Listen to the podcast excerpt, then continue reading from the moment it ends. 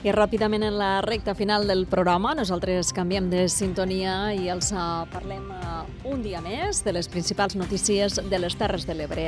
I seguim uh, en aquest moment amb l'atenció posada en com evoluciona la sequera perquè el govern català ha defensat que l'aigua de l'Ebre no sortirà de la conca. Assegura que els projectes per garantir el rec de suport al Priorat també preveuen aigua per a una part de la comarca de la Ribera d'Ebre. Jesús Gómez, director dels Serveis Territorials d'Acció Climàtica Hidrogràfica defensa que la nova concessió d'aigua que es demanarà a la Confederació Hidrogràfica de l'Ebre també servirà per als pagesos de les Terres de l'Ebre. Tenim problemes reals des que dins de la pròpia conca de l'Ebre, tenim oliveres morint, tenim arbres, eh, tenim vinya morint, tenim cireres morint.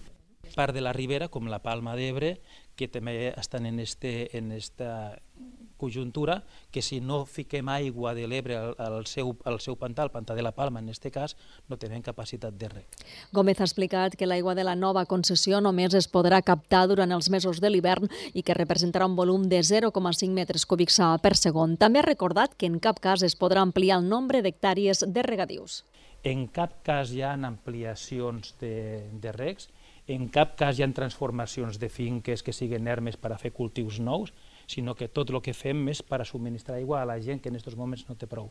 El director dels Serveis Territorials d'Acció Climàtica també ha explicat que l'aigua d'aquests projectes només servirà per al rec de suport, és a dir, per a regar en cas que hi hagi sequera o que no es pugui garantir un mínim de producció. També el delegat del govern a les Terres de l'Ebre, Albert Salvador, ha volgut desvetllar els dubtes que l'anunci de portar aigua de l'Ebre per garantir el rec del Priorat ha generat entre les entitats ecologistes i algunes formacions polítiques. Salvador Salvador ha reiterat que el govern només tirarà endavant aquestes noves concessions d'aigua si pot garantir que l'aigua del pantà de Siurana no arribarà a Riu de Canyes. Evidentment, l'objectiu del projecte no és captar aigua de l'Ebre per acabar Riu de Canyes.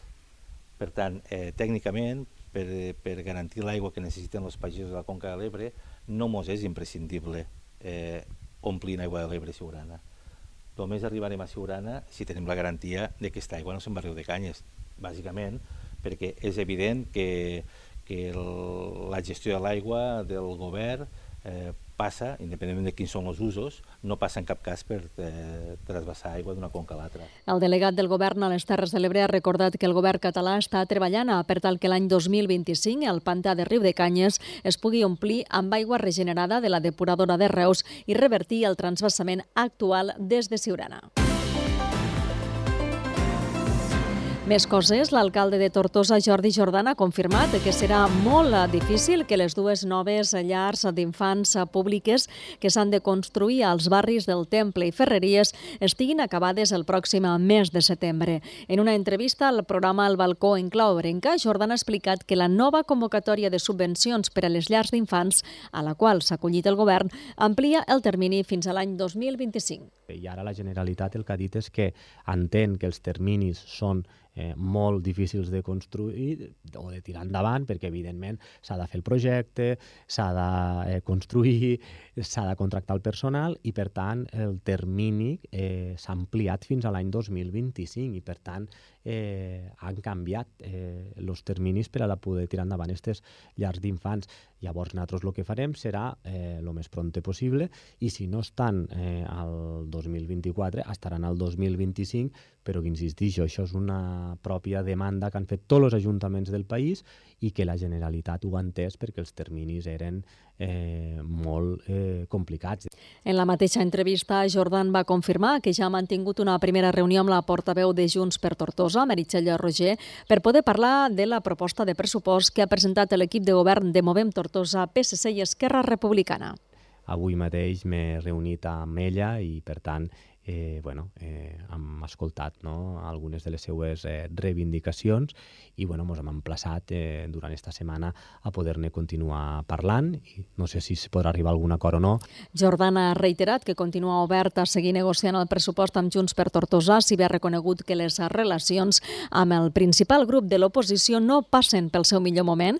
Jordana ha retret a l'oposició el seu tarannà destructiu. S'hauria de fer no, una reflexió per part del principal grup de l'oposició quin és el paper no, que està jugant durant aquests últims sis mesos que a mi me dona la sensació que precisament de constructiu ne té ben poc i de fet molts no, dels votants d'esta formació política a les últimes eleccions mos ho transmeten al carrer que no entenen no, perquè s'està fent aquesta eh, actitud que com li dia abans mos recorda bastant no, al Partit Popular i a Vox a nivell de l'Estat. La reunió entre Jordan i Roger va tenir lloc ahir al migdia, hores després que el grup de Junts per Tortosa critiqués durament el pressupost de Movem PSC i Esquerra Republicana, un pressupost que en principi s'ha d'aprovar aprovar el pròxim dilluns en un ple extraordinari. Hem de dir que l'equip de govern té garantida l'aprovació del pressupost amb el suport de la CUP. 3 minuts per arribar a les dues del migdia. L'Ajuntament de Tortosa ha presentat el projecte LIF Turbines, una iniciativa que ja s'ha aprovat en ciutats com Barcelona i València i que preveu fer estudis amb turbines per generar energia hidroelèctrica a partir de la pressió de la xarxa d'aigua urbana. El projecte consistirà en la instal·lació d'una turbina a l'Avinguda Generalitat, concretament al sector que abasteix el barri del Temple, per poder estudiar d'aquesta forma l'ús de les xarxes de distribució d'aigua potable i analitzar altres aspectes com la quantitat màxima d'electricitat que pot produir la pressió de l'aigua o com variarà segons els diferents trams de consum. Jordi Jordan, alcalde de Tortosa. L'objectiu és demostrar que en qualsevol punt de la xarxa d'abastament d'aigua de la ciutat i en el qual, per tant, existeix que una diferència de pressió que ho faci possible, el que podem és obtenir energia hidroelèctrica i que, per tant, depèn també, evidentment, de les característiques tècniques, l'energia que acabem produint pot aprofitar-se per a diferents finalitats a la nostra ciutat. El projecte també té un component eh, participatiu, ja que es preveu fer una consulta entre les escoles perquè siguin eh, els alumnes els que decideixin quin ús es pot donar a aquesta energia. Per exemple, reutilitzar-la en el mateix sistema d'abastiment per instal·lar fonts d'aigua potable refrigerada o fins i tot per a punts de càrrega de vehicles elèctrics. Aquest projecte preveu una inversió a Tortosa de 288.000 euros i un termini d'execució de 42 mesos. És una iniciativa impulsada per Global Omnium i compta amb el suport de l'Ajuntament i de l'empresa municipal Aigües Tortosa. I en la recta final parlem d'un nom propi. El delegat del govern a les Terres de l'Ebre, Albert Salvador, qui escoltàvem abans, deixarà l'acte de regidor d'Esquerra Republicana a l'Ajuntament de la Ràpita. La renúncia de Salvador es farà efectiva en el ple de l'Ajuntament previst per aquest divendres. Salvador deixa de ser regidor de la Ràpita després de 12 anys a l'Ajuntament. Segons ha explicat a través d'un comunicat, ha optat per aquesta opció per evitar que els projectes que el govern català està impulsant a la Ràpita puguin quedar condicionats per les relacions entre l'equip de govern de l'Ajuntament i el grup d'Esquerra Republicana que es troba a l'oposició i del qual formava part Salvador. Hem de recordar que Salvador ha estat regidor des de l'any 2011 i que es preveu que en el seu lloc s'incorpori al grup d'Esquerra Republicana Sílvia Zaragoza. I ens quedem a la ràpida perquè l'Ajuntament ha iniciat els tràmits per poder tirar endavant el projecte conegut com a Ròtula Delta. Aquest projecte preveu transformar la zona nord-est del municipi, on es troba l'encreuament de la carretera de Poble Nou i la carretera que connecta amb la Nacional 340 o la zona del passeig marítim i la zona portuària, entre d'altres. El projecte s'ha tret ja a licitació amb un pressupost de més d'un milió 800.000 euros. No tenim temps per a més, com sempre, que acabin de passar un molt bon dimecres.